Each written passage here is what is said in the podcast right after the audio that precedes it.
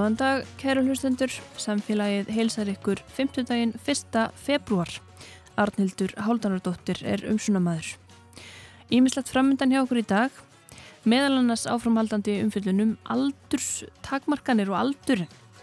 Um verslunamannahelgina í fyrra mátti fólk undir 23 ára aldri ekki tjálta á tjálsvæðin og flúðum.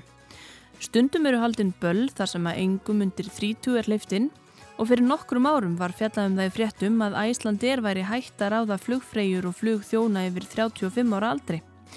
Við höldum áfram að ræða þessar takmarkanir í samfélagin í dag, meðal annars þær sem að fyrirtæki setja. En það eru breytingar í farvatninu. Í sumar taka gildi lög sem að banna mismunun á grundvelli aldurs á öllum sviðum, en slík mismunun er þegar bönnuð á vinnumarkaði. Við ræðum þetta við Jón Fannar Kolbensson, lögfræðing hjá Jafnréttistofu. Og svo að allt öðru, íslenska hátækni fyrirtækið Vaxa Technologies hefur gert tímamóta samning við matvælarísan og terra um nýtingu á ráefnum úr smáþurungarækt fyrirtækisins á helliseiði. Við ætlum að kynast þessu fyrirtæki aðeins betur og starfsum við þess og fáum frangandastjóran og markastjóran í spjall. Og við heinum svo umhverfispistil frá ungum umhverfisinum endurfluttan frá því í fyrra.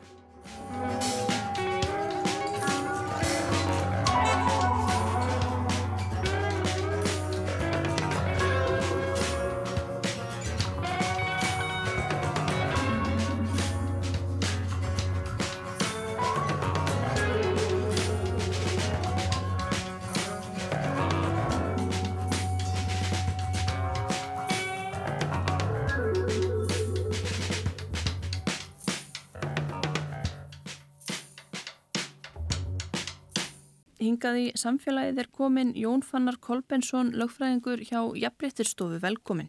Takk fyrir það, Kjalla. Við ætlum að ræða aðeins um aldur og aldurstengta mismunun og kannski bara byrja á því að ræða þessa nýju lögjöf sem að tekur gildi í sumar. Já. Það er smiklar breytingar framöndan. Jú, vissulega. Um er að ræða í rauninni tvo lagabalka, eh, sagt, lögum jafna meðferð innan vinnumarkaðar og utan vinnumarkaðar. Þetta eru lög nr. 85 frá 2018 og 86 frá 2018 og í rauninni er þetta í grunninn innlegging á Evrópu tilskilpun og þarna er verið að fjölga í rauninni þeim breytum sem að jafnbrettisraugjöfinn tekur til og töluvert í sögulegu samingja þá hefur náttúrulega jafnbrettus lögjöfin í rauninni bara snúist um inn kynin. En nú er sagt, með tilkomið þessara tveggja lagabalka verið að fjölga þessum breytum töluvert. Og, og þar á meðal er, er sagt, aldursbreytan tekin inn.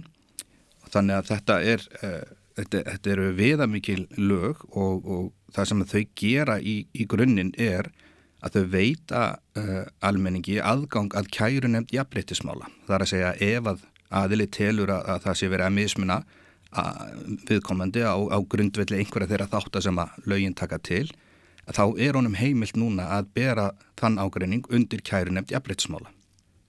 Og mismunun á grundvelli aldurs, þetta er eitthvað sem kannski verður alltaf meira og meira í deglunni eftir því sem að þjóðin eldist og það kannski koma upp fleiri, fleiri mál sem að tengjast aldri fólks. Jú, ég hugsa að það sé eiginlega óumflýjanlegt ef við getum orðað þannig vegna sem svo bendir á að þá er þjóðina eldast og, og hérna eh, stránt til tekið að þá er, við getum orðað þetta þannig að almenna reglan sé svo að það sé óheimilt að mismuna á grundvelli aldurs en við erum samt með mjög mörg dæmi þess að það er ymmit aldurinn eh, sem er fósenda ákveðnar mismunnar.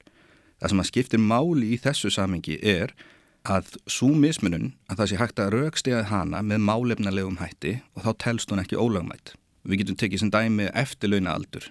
Eh, það er mörg eh, fordæmi í, í bæði í Evrópu og, og, og hér að, eh, eftirlauna aldur er eitthvað sem að ríkið ákveður og neyðir í rauninni þegna sína til þess að, að hlýta í þessu samingja þá hefur dómstól, Evróptu dómstólinn til að mynda tekið þá afstöðu og komist að þeirri niðurstöðu að það er heimilt að, að ef við getum að þvinga einstaklinga til að, að, að hérna, fara á eftirlaun og raukstunningunum fyrir því er í rauninni sá að það er tali réttantalegt að það verða að eiga sér að stað ákveðin endur nýjun á vinnumarkaði. Það þurfa að hleypa yngri uh, aðilum að þannig að, þar til að mynda hefur uh, Evrópudómstólinn fallist á að, að, að mismunin á grundvellaldus, verðan að þetta er ekkit annað heldur en það, sé málefnileg og þar, og það, þar af leiðandi heimil. Já, býstu við því að það verði sko að fjölgi mjög málum sem að tengjast þá aldri og mismunun vegna aldurs hjá kærunemt jafnbryttismála þegar þessi lög verða komin í gildi? Sko ég get alveg sétt það fyrir mér vegna þess að það eru ákveðin uh, atriði sem að, að hérna, væri rauninni bara áhugavert að láta reyna á. Uh, við kannski getum tekið sem dæmi ákvarðanir uh, sem snúa því að, að hækka lámarsaldurinn inn á tjaldsvæði á ákveðnum dögum. Það er alveg spurning með hvaða hætti sá aðili sem tekur þá ákvarðun hvernig hann myndir raukst eða þá ákvarðan fyrir kjærin eftir jafnbreytismála og nú ætla ég ekki að gefa mér í þeim efnum, það getur vel verið að séðum álefnilegar ástæður fyrir því. En, en þetta er eitt af því sem ég allavega hefði áhuga á að, að heyra hvernig kærum, kærin eftir jafnbreytismála myndi taka á.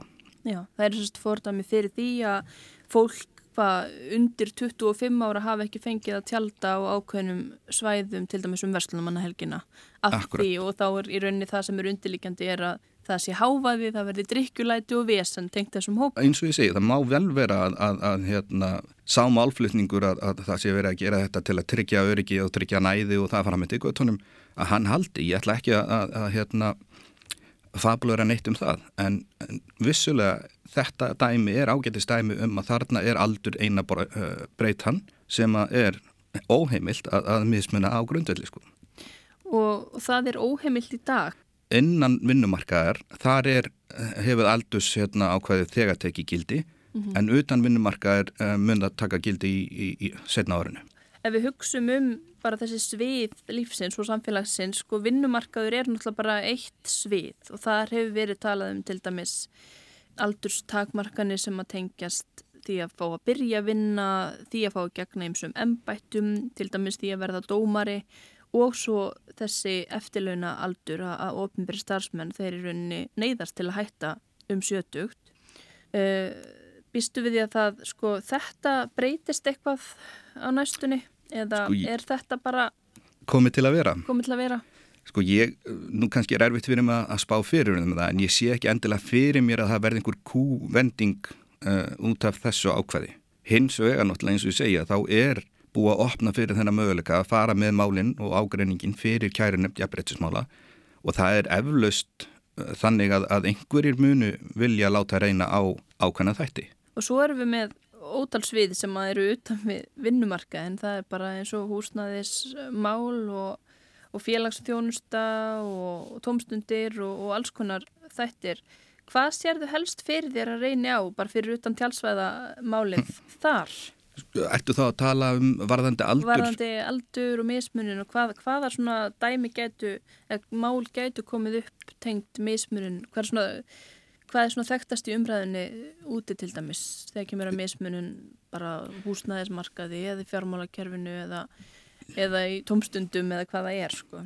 Já, það er náttúrulega með dættir í hug ákveði dæmi sem er svo sem svipað tjaldsvæða hérna, dæminu en, en Eh, þegar skemmtist að er til að mynda hækka aldurinn það er að segja hleypa yngum inn sem er undir 25 ára eða, eða 30 ára eitthvað svo leiðis aftur þá er þetta mjög áhugavert að sjá með hvaða hætti skemmtistæðurinn muni raukst í að sína ákvörðun og hvort að hún sé málefnaleg eh, en þetta er nú kannski eins og ég segi þetta er, þetta er, þetta er keimlíkt tjálsvæðadæminu eh, mm. en ég er svona á, kannski erfitt með að sjá fyrir mér hvar nákvæmlega mun helst eina á þetta. Innan vinnumarkaðinins að þá höfum við séð til að mynda mál það sem að, að hérna, aðilega sækjum starf og tilur að, að, að hérna, aldurinn hafi orðið til þess að viðkomanda var ekki bóðið starf uh, og það er náttúrulega hefur kærunemdinn tekið til uh, hérna, úrskurðar og, og, og komist í tveimur, tveimur dæmum að þeirri niðurstöðu að þar var um brotaræða og mismun á grundveld aldus. Uh, aftur snýr þetta bara því hvernig málinn eru raukstutt, hvernig þið eru flutt og hvaða ástæður likja sannlega að baki. Og það hafa náttúrulega komið upp dæmi í manna fyrir nokkurum árum til dæmis þá kom frétt um það að Æslandir ætlaði ekki að ráða flugfreyjur eða flugþjóna yfir 35 ára aldri, mm. fannst mörgum það skrítið. Já. En svo ég veit ekki hvort það fallið einhverju einhver dómar um, um, um það mál eða? Nei, ekki að mér vitandi en, en þarna náttúrulega ertu með mjög gott dæmu um að, að, að það er ekki að, að heyra þessu aðrar ástæður heldur en aldur þannig að, að þetta til að mynda myndi kæru nefndin vantarlega taka fyrir hjá sér og, og, og komast að einhvern niðurstöðu aftur ítreikaði það burning með hvaða hætti viðkomandi fyrirtæki myndi raukstega þess ákvörðin en í fljótu bragði að þá myndi ég telja að þarna væri um brotalógi gefin að ræða. En svo er sko að við hugsaum um hins við hins viðin eins og til dæmis bara ef að það má ekki mismuna vegna aldur þýð það þá að manneska sem er 75 ára getur skráð sig í háskólanám og, og fengi það á sömu kjörum og, og yngra fólk, fengi námslán uh, því það að, að fólk getur í rauninni tekið húsnæðislán hvað með til dæmis yðgjöld sem eru hækka eftir aldri, það er svona margt sem að kannski kemur inn í þetta. Já, ef við myndum rauninni bara horfa á þetta að almenna reglan er svo að það megi ekki mismunna á grundvill aldus svo er það bara spurningin eh, ef ég ætla að mismunna uh, hvaða ástæður hef ég fyrir því?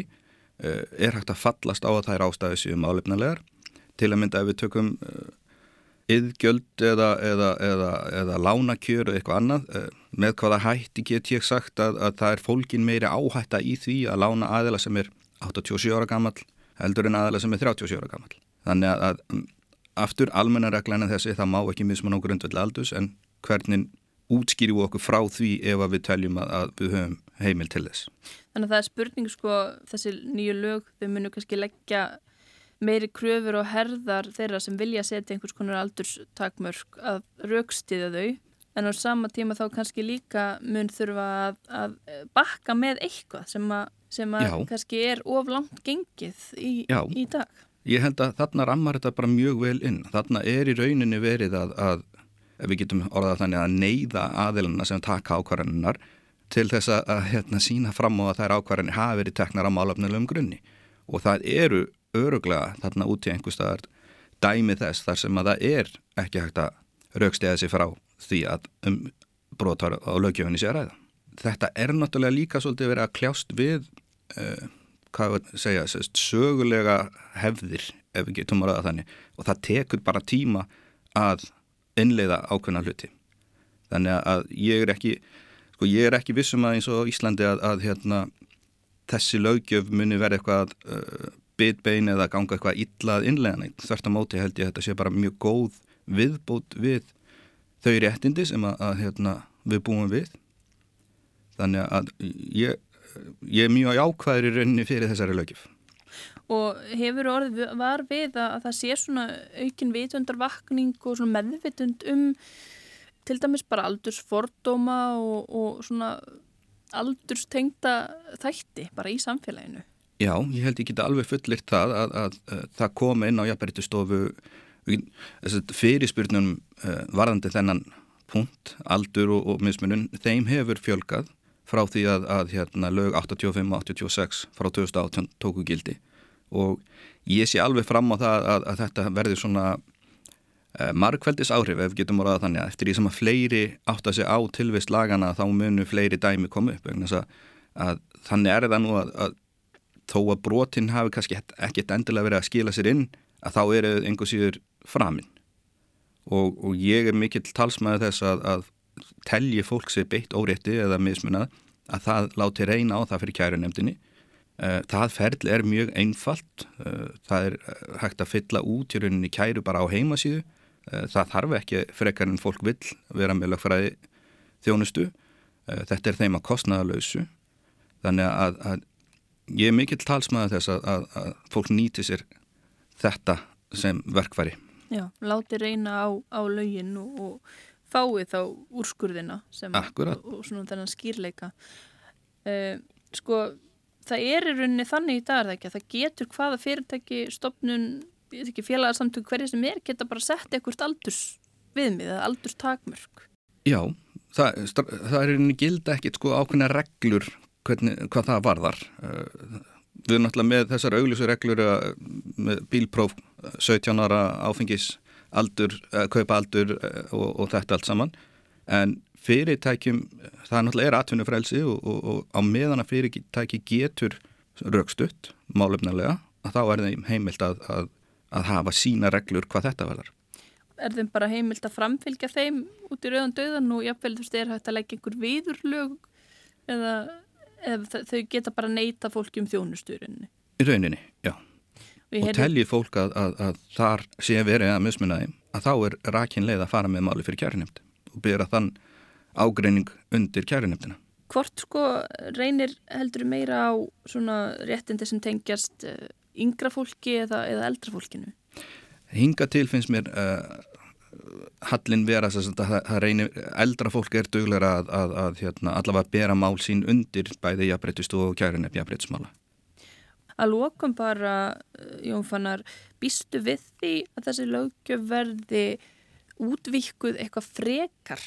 Uh, nú til dæmis hefur verið svolítið fjallað um mismunum vegna holdafars Serðu fyrir þér að þetta að mismununar þáttunum sem verða feltir undir lögjöfuna muni fjölga á næstu árum? Ekki að svo stötu, nei. Það, hérna, líkt og ég nefndi upp af við að þá náttúrulega er orðin ákveðin eðlisbreyting á starf sem ég aðbreytti stofu að, að, þar sem að við erum í rauninni hægt að fjalla bara um, um kynin og, og komið með þessa 11 breytur sem að, sem að hérna, lögnumar 85-86 uh, komið með. Uh, ég tel að þar séu við að ná yfir nægilega breytt svið þannig að ég, ég á ekki vona að, að, að mismunna þáttunum verði fjölkað Nei, þannig svona útlýtstengtir þættir eins og hvort að fólk er með gleru eða sýtt eða stutt mm. hári eða, eða hérna, holdafars það, það verði ekki fælt undir þetta á næstunni Ekki, ég sé það ekki fyrir mér allavega Áver, takk fyrir að ræða þetta við samfélagið Bestu þakki fyrir mig Kolbjörnsson.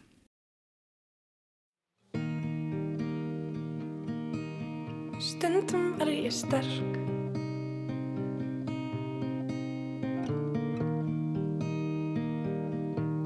Og stundum get ég ekkert gert. Svo ég Sitt og sakn og sirk og sé Mikið eftir þér. Stundum er ég leið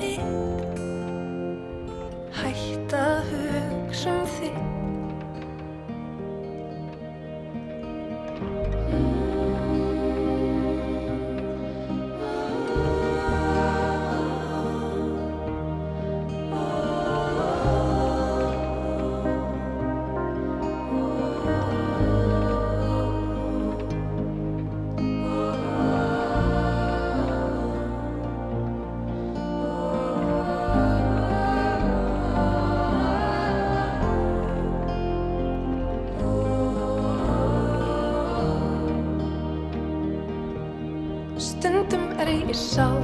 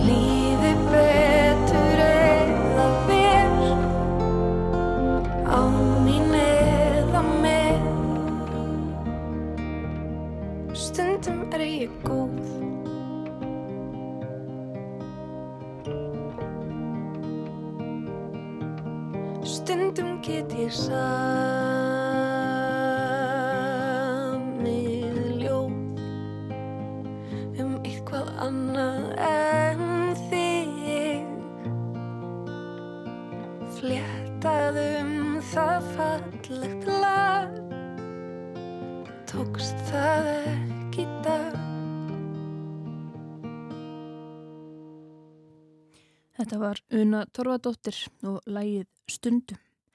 En áfram höldum við með samfélagið. Íslenska hátækni fyrirtæki Vaxa Technologies hefur gert stóran samning við matvælaframleðendan Óterra um nýtingu á ráefnum úr smáþurungarækt Vaxa á Helliseiði. Þetta fyrirtæki Óterra er alþjóðlegu ris í matvæla innaði og eitt stærsti þjónustu aðili matvælafyrirtækja um allan heim. Og hingað til þess að ræða já, þennan samning og fyrirtækið Vaxa Technologies eru komnir tveir menn ef ég bara byrð ykkur um að, að kynna ykkur. Já, ég heiti Kristinn Haflegason. Við erum alveg ægilega góði vinnir og kallum að bara kitta. Það geti. Uh, ég er frangustjóri hjá Vaxa Technologies hér á Íslandi og, og ég án spurður að því í, hann var, er útækt hjá okkur í morgun og ég spurður að hvað ég geri og ég, vinnan mín fælst aldrei í því að láta þá sem kunna og geta hafa allt það sem þeir þurfa til þess að kunna og geta upp á hellisegi. Það er það sem ég geri. Já, ég heiti Hörður Ágússon, sölumarkastjóri á Íslandi líka. Og ég mitt er eins og við getum kynast út með að við erum oft svona heimskustu mennitin í herbyggjum, það er gaman að nefna það bara svona, það er hérna Já, það býr svo mikið- það býr svo bara svo óbæstu þekking í fyrirtækjunu, það er hérna er mjög svona auðmíkjandi að setja fundistundum með fólki að Já, Þeir að vinna með hvað vísindafólki eða... mikið til vísindafólk bæði í uh, lífvísindum og svo hérna eru við með verkfræðinga og, og þannig að það er alveg ofbúslega auðvelt að vera heimskastur í herberginu upp á þessi það er, það er létt með það Já. En uh, sko Vaxa, þetta er uh, nokkur ára gamalt fyrirtæki ekki satt og þeir eru kannski svona hvað þekktust fyrir uh, salat. Nei, það- það. Er orðin nei. alls ekki Alls ekki, við, sko, við Vaxa Technologies uh, byrjar 2017 erum þá, förum þá í, erum með lítinn gám bara upp á hellisegi við virkjununa, við erum fyrsti uh, fyrsti leiðandin í, jarðhitagarði og enn í Ölfusi. Og við byrjum bara inn, í, inn á virkjunarsvæðinu þar sem við setjum framleiðstu kerfið okkar bara inn í svona lítinn gám. Og síðan 2019 og þá erum við að byggja okkur fyrsta hús og setjum kerfið í svona yðnar stærð inn í hús.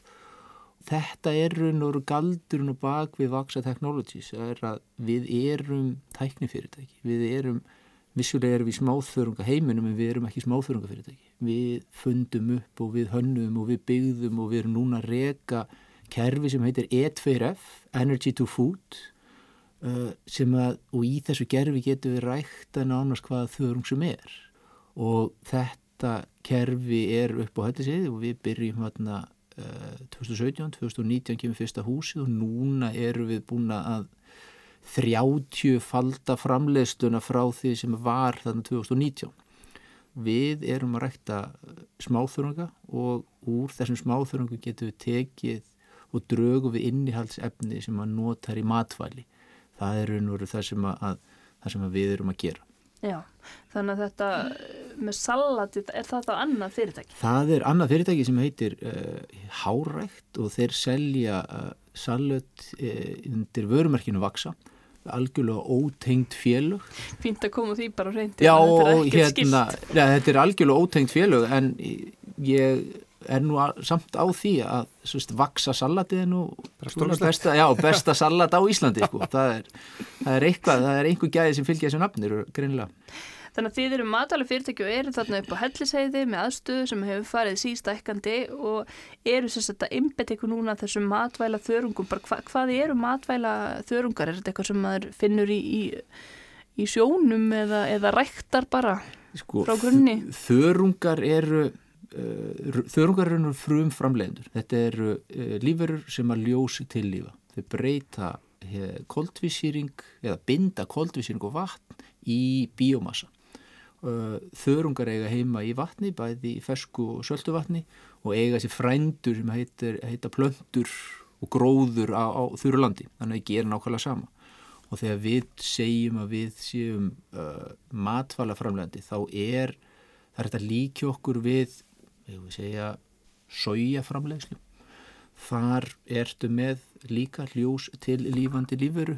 Þú sáir henni í akur hann vex og svo harvestar þennan akur eða uppskerðan og þannig ertu búin að búa til matvali munurinn er að hjá okkur upp á helliseiði þá er lífveran sem að vex, hún bæði vex mun hraðar og við getum nýtt alla lífveruna í mat.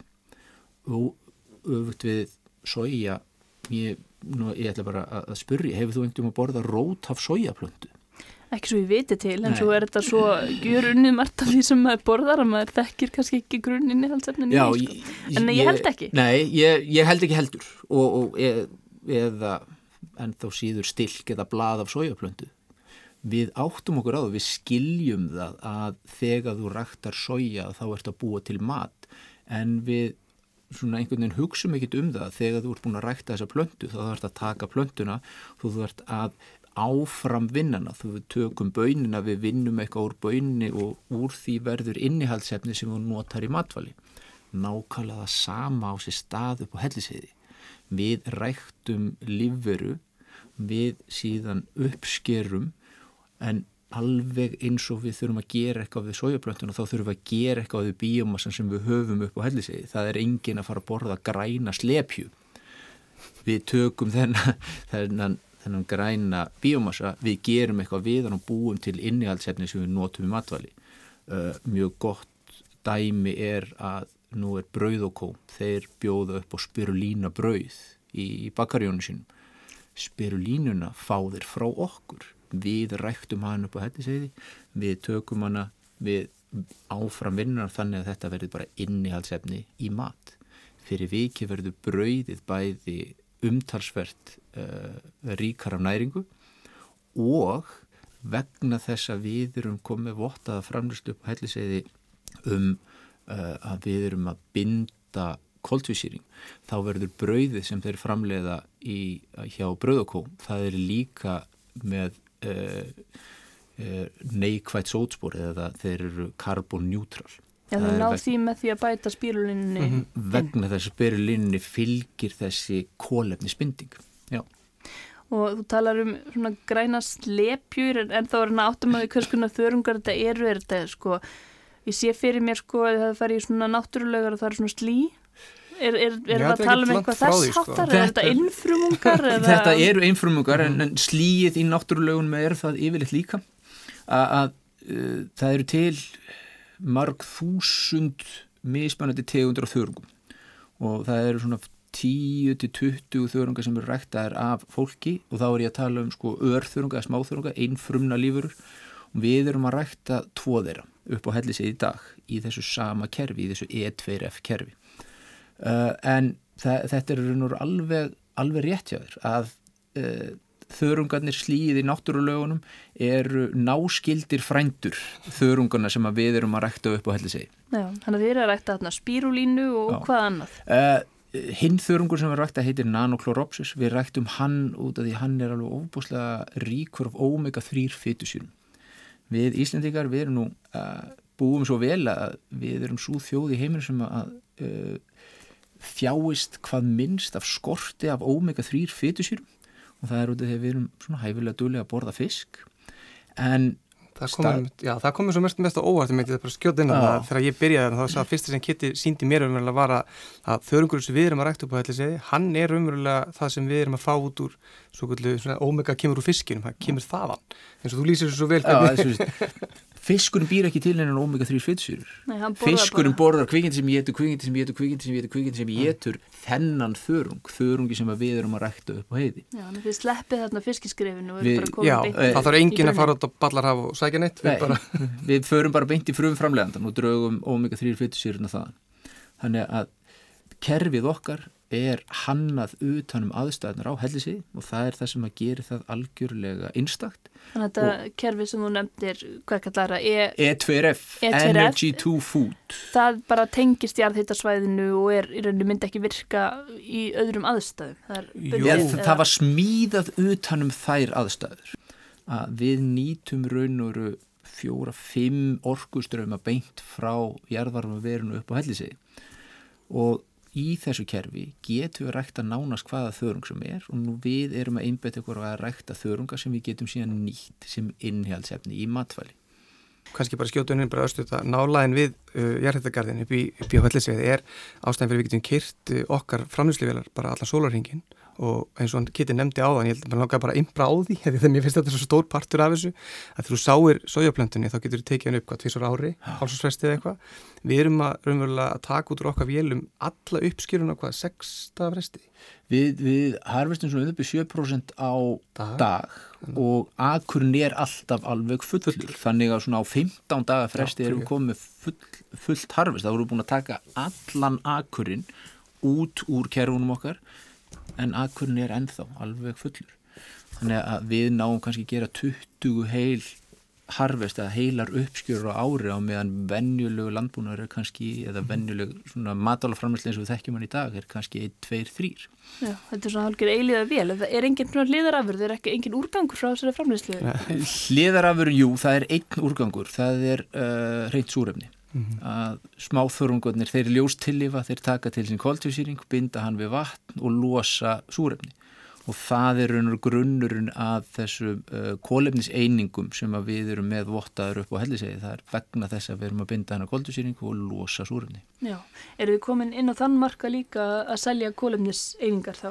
Við erum uh, rétt svona dífa tánum ofan í, í, inn í þá laug. Uh, við erum komin inn á það marka. Við erum vottuð af uh, fyrirtæketið Örðhút og við erum með vottaðar kólefniseiningar byggðar á tækniferli í E2RF kerfinu og erum með uh, nokkra kuna hér á Íslandi sem hafa keift okkur kólefniseiningar. En að aðal, aðal málinu, það er, það er þessi samningur við Óterra, þetta er uh, danskur risi. Uh, hva, hvaða dýðingu hefur þessi samningur fyrir ykkur núna? Þeir eru búin að stækka hratt og mikið að gerast. Uh, Bóða er þetta einhverju einhver svona breytingu, stefnubreitingu í reksturinu með okkur? Eða útrás eða eitthvað? Það er uh, engin stefnubreiting. Uh, planið var alltaf útrás. Við 0,1% af afurðum okkar í jarðhitagarði og enn á, í Ölfusi er notað á Íslandsmarkað. Þetta er allt til útflutnings. En þessi samningur fyrir ungt startup uh, skiptir gríðalegu máli. Þetta raun og veru gefur okkur ofbúslega öflugan grunn til þess að byggja á. Við lítum á þetta raun og veru bara sem stökkbreyti. Þarna erum við komið með uh, rísa stóran alþjóðlegan aðila sem að kemur til okkar. Þeir skoða aðstæðna sem við höfum, þeir skoða tæknina sem við eigum og þeir taka ákvörðun á að vinna með okkur vegna þess að þeir vilja alveg eins og við stuðla því að við hugsum öðruvísum matvala framlýslu heldur um við höfum gert hingað til. Uh, E2F kerfið gengur út á það að taka matalframlýslu úr svona, svona þessari hefðbundu framlýslu eins og það hefur verið síðustu hundruð ára og setja það inn í hátækni það sem að það þýðir er að við raunur erum að taka matalframlýslu og við erum að aftengja það frá náttúrulegum aðfengum.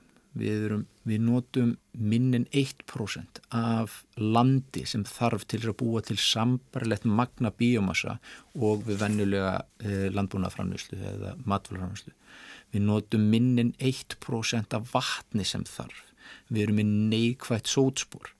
Þannig að við erum ekki að ganga á náttúruna við framleyslun okkur upp á hellisegi þannig að þegar Óterra kom til okkar og sá að tæknin okkar hún, hún virkar, hún gengur við getum lofað að affenda afurðnar á réttum tíma, á réttum gæðum og að þarna er komið ný hugsun í matalaframislu það var raun og það sem fekk þá til þess að ákveða að vinna með okkur.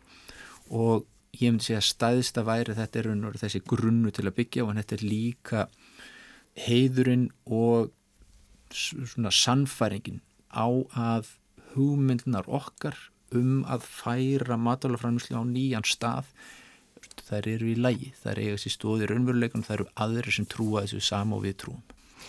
Og sko afurðirnar eh, er það þá eitthvað eitthva nýtt í bíkjar þar? Eitthvað sem að einhver tækifæri að opnast? Ég sátlum svo þau hafa verið svolítið í, í gælu dýrafóðri og, og alls konar. Sko við byrjum í gælitil og fóðri vegna þess að það var bara ofuslega auðvelt og einfalt fyrir okkur að fara þangað. Plan fyrirtækisins var alltaf að uh, vera matvala framleiðandi, þess að framleiða innihaldsefni fyrir manneldi.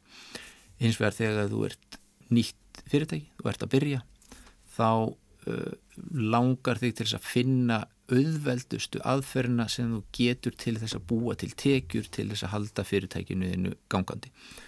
Og við byrjum að rækta hérna omega 3 þörungin okkar og selja hann beint algjörlega óunnin inn í klagstöðar fylskeldis við miðjarahafið. Þessi markaður hefur minna og minna vægi hjá okkur því, því meir sem við stækkum. Stækkunin er öll fólkin í ræktun og þörungu til manneldis. Og það getur þá verið í hvað bæti efni eða brauð eins og þú nefndir aðan? Við byrjuðum í fyrra í bandaríkjum, 2002 í bandaríkjum að selja verðmerkinu Örlu og við opnum svo vefverslunina heima í desember 23, 22 fyrir ekki og hérna það er eins og kittin nefnir sko, er, við erum umræðilega, við erum rétt byrjað að kíkja út fyrir dyrnar hjá okkur sjálfum að því við höfum ekki viljað vera gasparanett fyrir en við erum komin með eins og nefndi á það með samlingi og terra að það komin staðfyrstinga og þetta sé alltaf eins og þetta á að vera. Og, og framtíðin hérna í möguleikunum sem þú nefndir á þann það má eiginlega, ég held að það sé ekki stórt að segja að það sé umræðilega óendanlegir. Já það er, er ekki hægt að setja neitt inn að tölu á það held ég akkurat núna, hvað er hægt að gera? Það er bara Nei, eins og þessu, þetta er eitthvað sem er hægt að nota í alls konar, alls konar matvæli. Það er raun og uh, galdurinn er og ég með grunar að einhver hlustandi uh, þinn hafi pröfað spirulínu einhver tíman á lífsleðinni og yfirleitt er svo upplifun hæfilega neikvæð og því að spirulína er alveg ofbóðslega vond á bræðið og hún líktar þang, Þangbræð og... Ef þú ert heppin, heppin þá já, er okay. þangbræðið Ég hef greinlega verið heppin, já, og ofbóðslega oft og yfirleitt þá er spirulína, hún uh, bræðast eins og, eins og skólp og líktar þannig líka. Og þess vegna hefur, hún, hefur spirulína, hún er þekkt ofurfæða, fólk borðar spirulínu vegna þess að veit hvað hún er ofbúslega holl. En það er erfitt, þú þarfst að hafa fyrir því þú þarfst að taka þessa spirulínu þú þarfst að, þarfst að þrælenni ofan í þig.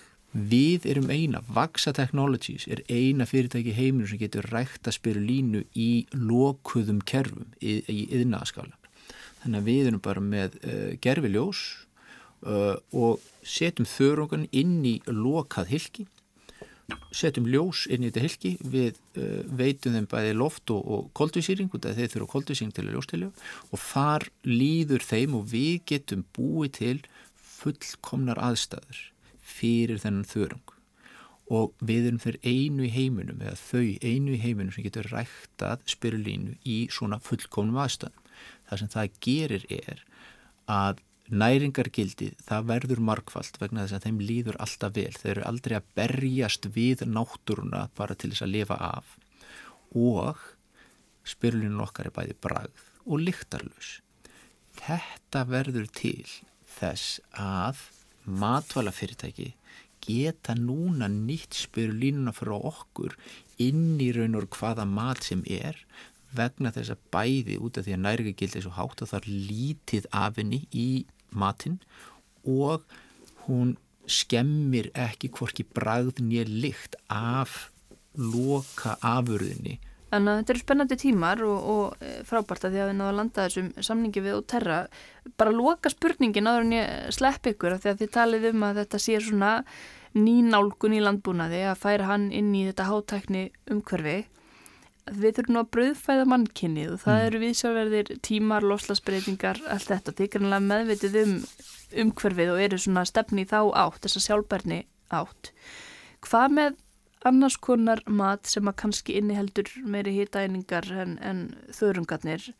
Er þetta yfirfæra þessa tækni og sjáu þið fyrir ykkur að, að taka sko fleiri innihaldsefni inn að, að það væri hægt að búa til hýtaeiningar ríkari mat með svipuðum hætti Uh, ok, það, það er nok nokkri hlutir í þessari spurning. Er Eh, Já, þetta, þetta var ég, nokkrar loka spurningar. Já. Í, sko, í fyrsta lagi þá hérna forðumst við að tala um sko uh, venjulegan landbúnað. Við, við vitum að landbúnaður uh, brauðfæðir heiminn. Þannig að það er ekkert að landbúnaði. Við tölum alltaf um það að við viljum fá nýja aðferð til þess að hugsa um matvæla framleiðslu. Það er fullkomlega ósangjant að ráðast á landbúnað eins og hann er. Þannig að við, við tölum aldrei um það að setjum okkur upp á móti landbúnaði, heldur erum við að hugsa um við þurfum okkur langar til að breyta hvernig við hugsa um matálaframlýslu. Bara þannig að það sé alveg, alveg skýrt. Uh, næsti partur af loka spurningunni var hérna að brauðfaða heiminn, við þurfum að gera það. Og ég við trúum því, hjá Vaxa Technologies trúum því að það verða margar lausnir sem koma til með að leysa þann vanda. En við höfum fulla trú á því að E2F-kerfið verður einn af líklun sem þarf til þess að, að leysa þennan vanda.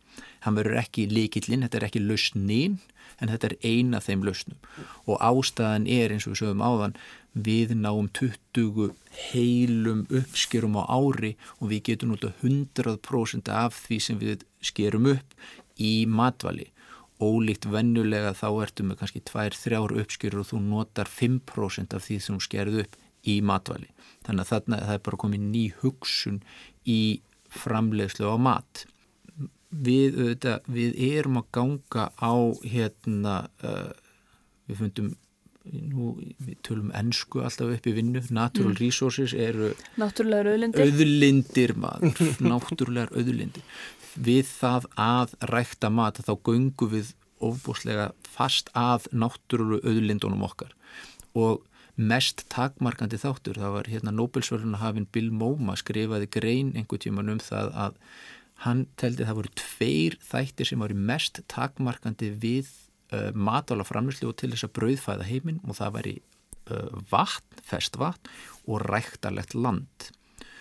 Þannig að, að það, þessi hugmynd er okkur óbúslega hjartfólkin að raunur að koma setja nýja svona, nýja stefnu taka ágang að náttúrulegum algjörlega út fyrir sviga þegar við búum til mat.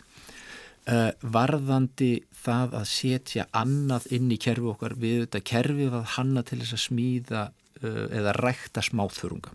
Þannig að við getum rækta nánast hvaða þörung sem er. En við höfum komist að því núna í, í hérna kólefnisverkefnin okkar sem heitir uh, Vaxa Action að það, það er þannig að þegar við ræktum þörunginu þá myndast þessar kólefniseiningar þegar við seljum þessar kólefniseiningar þá er, eru peningarnir sem fáum fyrir það þar koma í raun og veru staðin fyrir að þurfa að selja þennan bíomassa á markaði. Þannig að það búið að borga fyrir bíomassan og við getum notað hann inn í matvæla aðstóð til þróunaríkja og það er raun og veru það sem þetta aksjónprogram okkar gengur út á. Við komumst að því að vegna þess að það sem þarf inn í þróunaríkjum í grunar að það sé það sé hægt að, að færa það yfir allan heiminn er að yfirleitt vantar ekki kaloríur. Að börnin eða fólki sem að er að, að þykja matvalaðastóði í þróunaríkjunum og við erum niður í Afriku núna í Tansaníu þau fá nægar kaloríur til þess að lifa af. Hins vegar eru þetta tómar kaloríur algjörlega lausar við alla næringu. Þannig að það sem að við bjóðum inn í matvalaðastofinu er innjálsefnið okkar fer ofan í þetta ka, uh, hérna, kaloríu ríka næringar snauða þennan mat. Þannig að börnin að krakkarnir sem að við erum núna að, að vinna með þau fá bæði kaloríuríkan og næringaríkan mat og það raun og hjálpar þeim að lifa mun betur og þau eiga ekki í sumu vandræðum eftir. Þannig að uh, við höfum aldrei hugsað um að setja eitthvað annað heldur en þörung, ég veit ekki hvort að það myndi ganga. Það er svona, við þurfum að spyrja Sam að því já, já, en svo líka en, bara kannski að lóka frá mér bara eitt östut með þetta, það er náttúrulega líka bara það eru alg, úst, við erum að vinna þetta búið heldur segi og eins og ég segi, við erum eitt rosa klárir. Þú veist, við erum rosa skemmtilega kannski. En það, þegar kemur maður hlaupandi eða kona hlaupandi í kvítun slopp með eitthvað svona spjald og það er svona,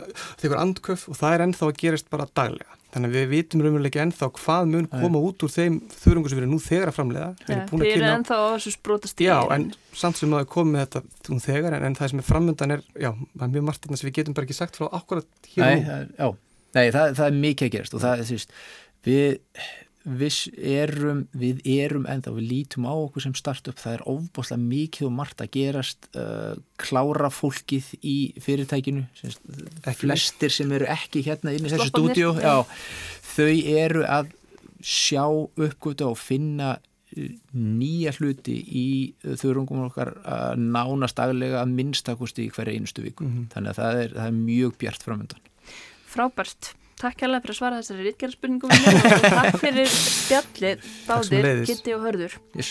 og gangið vel. Takk kærlega fyrir að, að, að hlusta á okkur og nenn okkur.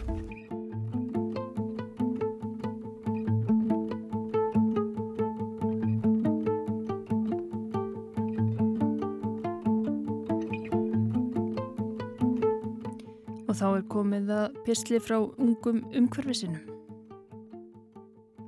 Fyrir rúmu ári síðan flutti ég minn fyrsta útvarspistil hér í samfélaginu á Rás 1.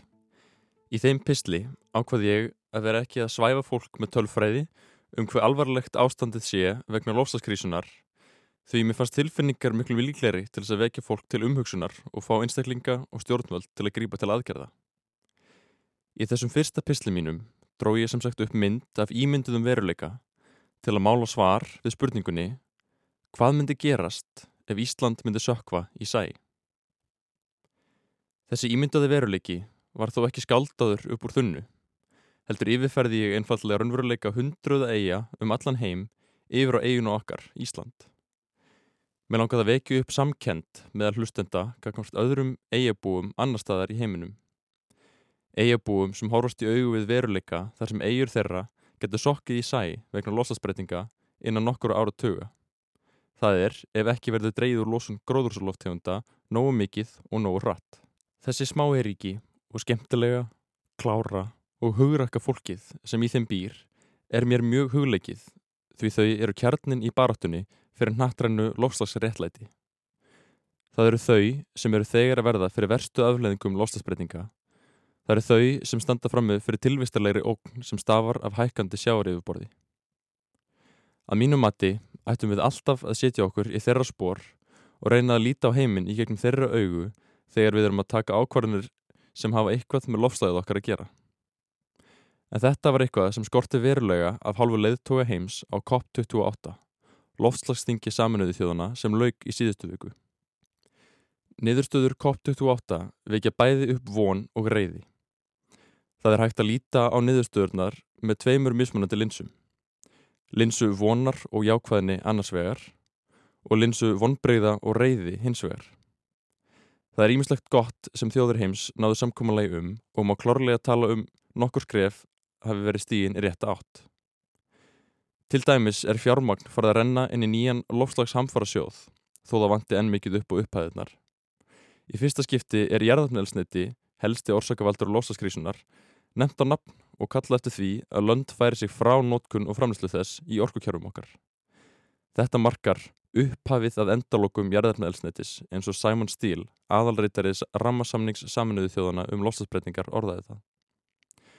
Svo er kallað eftir útfösun óskilvirkra ríkistyrkja til jarðarnaelsnetis og samið var um nattrænt markmið um aðlögun að lostasbreytingum. Hins vegar er einnig margt slæmt við loka ákvörunina sem vekur upp reyði.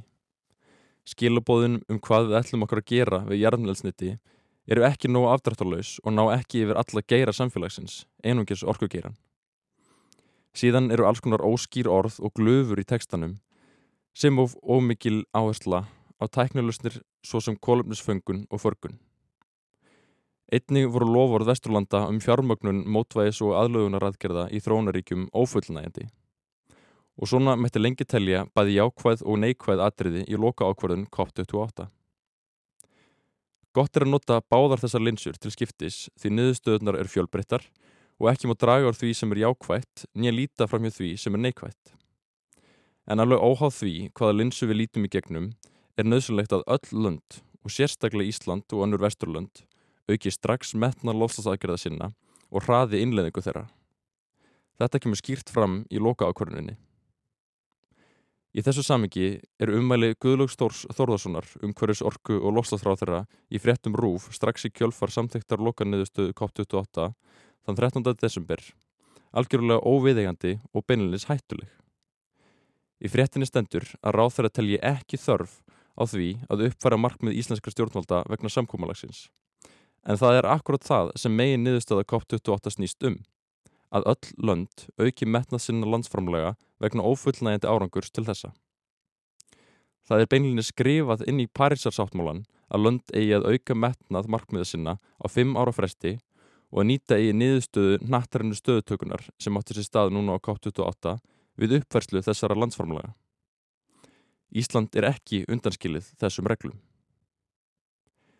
Til að setja í samiki brína nöðsinn þess að Ísland uppfæri markmið og aðgerði sínar þá er skýrt tekið fram í loka samþygt COP28 að draga þarf úr losun um að minnstakosti 43% á heimsvísu fyrir árið 2030 með að við losun árið 2019. Núverandi aðgerðir íslenskra stjórnvalda munum einungis skila um 2% samdrætti í heildarlosun fyrir árið 2030 með að við losun árið 2019. Þetta er 20 sinnum minna en meðal samdrátturinn á heimsvísu þarf að vera á þessu tímabili. Ef ríkt land í forhundastöðu eins og Ísland á ekki að herða markmið og aðgerði sínar eins og ráð þeirra tilur ekki þörfa á, hver á þá að gera það? Einnig er mikilvægt að leiðrættu önnur umæli Guðlúks Þórs sem byrtust í frétt á vísi.is þann 10. desember síðastliðin þar sem því er haldið fram að það veri engin lofstaskrísa ef aðrir hefðu farið íslensku leiðina. Ísland er með eina mestur losun á hvern íbúa í heiminum og er því ljóst að ef öll lönd væri eins og Ísland værum við löngu búin að sprengja markmið Parísasáttmálans um að takmarka hlínun jarðar við 1,5 gráðu. Þessi málflutningur er hættulegur og sína fram á veriðingarleysi gagvart smáeríkjum sem ég nefndi upp af þessa pistils sem fóru heim af COP28 með tárin í augunum vegna ofullnægindi niðurstana. Til að gera okkur grein fyrir metnaði niðurstaðna COP28 þurfum við að setja okkur í spór smáveríkjana og fulltrúa þeirra sem snúan og heim til ástvinna sinna og geta ekki sagst hafa náð samkúmalegi sem tryggir að eigur þeirra muni ekki sökva í sæ á næstu áratugum. Þetta er fólkið sem við þurfum að hafa efst í huga þegar við ræðum og tökum ákvarðanir um lofstaskrísuna. Þessi bara þetta snýst um líf fólks og tilvist fjölda samfélaga um allan heim. Þessi alþjóðlegi ákvarðarutöku vettvangur um loslasmál er nefnilega ekki eins og einhver íþróttalegur. Við megum ekki sætt okkur við jafntöfli eða glefjast yfir naumum varnarsigri eins og sumir hafa tólkan niðurstöður COP28. Við þurfum jú að fagna þeim skrefum sem tekin voru í rétta átt en jáfnframt benda á það sem hefði þurft að gera mun betur og breyða svo við með fullnægindi hætti. Alvarleiki málsins kjarnast í umvalum John Silk, formanni samningarnemdar Marshall-eiga á COP28 undir lokþingsins í síðustu viku. Hann sæði að Marshall-eigar hafi ekki komið á COP28 til að skrifa undir dauðadómsinn. Þau komið þangað til að berjast fyrir markmiðinu um 1,5 gráðu og fyrir einu aðgerðinni sem tryggir að það náist, sem sagt að fasa út jarðarfnælsniti. Hann sæði tekstan óásættanlegan og að þau myndu ekki leggjast í votakuröf sína án þess að láta í sér heyra. Þau myndi ekki samþykja niðurstöðu þar sem hlýðar áhrifin er gjör eðilegging samfélaga um allan heim. En hvað þarf að gerast í kjölfar COP28? Það er margt sem þarf að gerast, en ef við lítum á ábyrð Íslands, þá þurfu íslensk stjórnvöld að uppfæra landsframlag sitt sem allra fyrst og setja fram í því metnaðarfyllir í markmiðin áður. Íslensk stjórnvöld og fyrirtæki þurfa svo einnig að grípa til mun rótækri aðgerða til að alvöru samdráttur í losun fara að nást hér á landi. og síðan þarf að hefja strax milliríkja samstarf með þeim þjóðum sem vildu framseknari niðurstöður á COP28 og sjá til þess að þau gangi öll lengra en lægsti samnefnarinn og að niðurstöður COP29 á næsta ári verði metnaðarfyllri. En er von og við þurfum að breyta henni í árangur. Það sem gerir mér og vinnum mínum í ungum umhverjusinum kleift að halda í vonuna og halda barðun áfram eða meðal annars að þessar kopparáðstöfnur eru einingist tvær vikur af þeim 52 vikum sem eru í hverju ári og þó þessi vettvangur sé gríðarlega mikilvægur er svo margt fleira sem við getum og þurfum að gera utan hans. Svo er það mikill meira hluti landa heims vildu sjá róttækari ákvarðun sem þýði vonandi að þau munu einfallega ganga lengra en þessi ófullnægindi niðurstaða sem náðust sáttum á COP28. Og að lokum er það samstaðan meðal ungs fólks og alls konar samtaka og samfélaga um allan heim sem eikst bara og eikst. Baráttuhugur okkar hefur aldrei verið jafn mikill og munum við halda ótröið áfram að þrýsta á breytingar sem tryggja lífvænlega framtíð fyrir okkur, framtíða kynnslóðir og vini okkar sem búa á smáiríkjum um allan heim. Setjum okkur í spór þeirra sem standa í framlínunni í baráttunni gegn lósaskrísunni og gerum það sem gera þarf. Þetta var Finnur Ríkard Andrarsson formaður ungra umhverfisina með pistil endur nýttan frá í ásloki fyrra, pistil sem á en þá við. Og svona líkur samfélagin í dag. Við heyrumst aftur á morgun. Veriði sæl.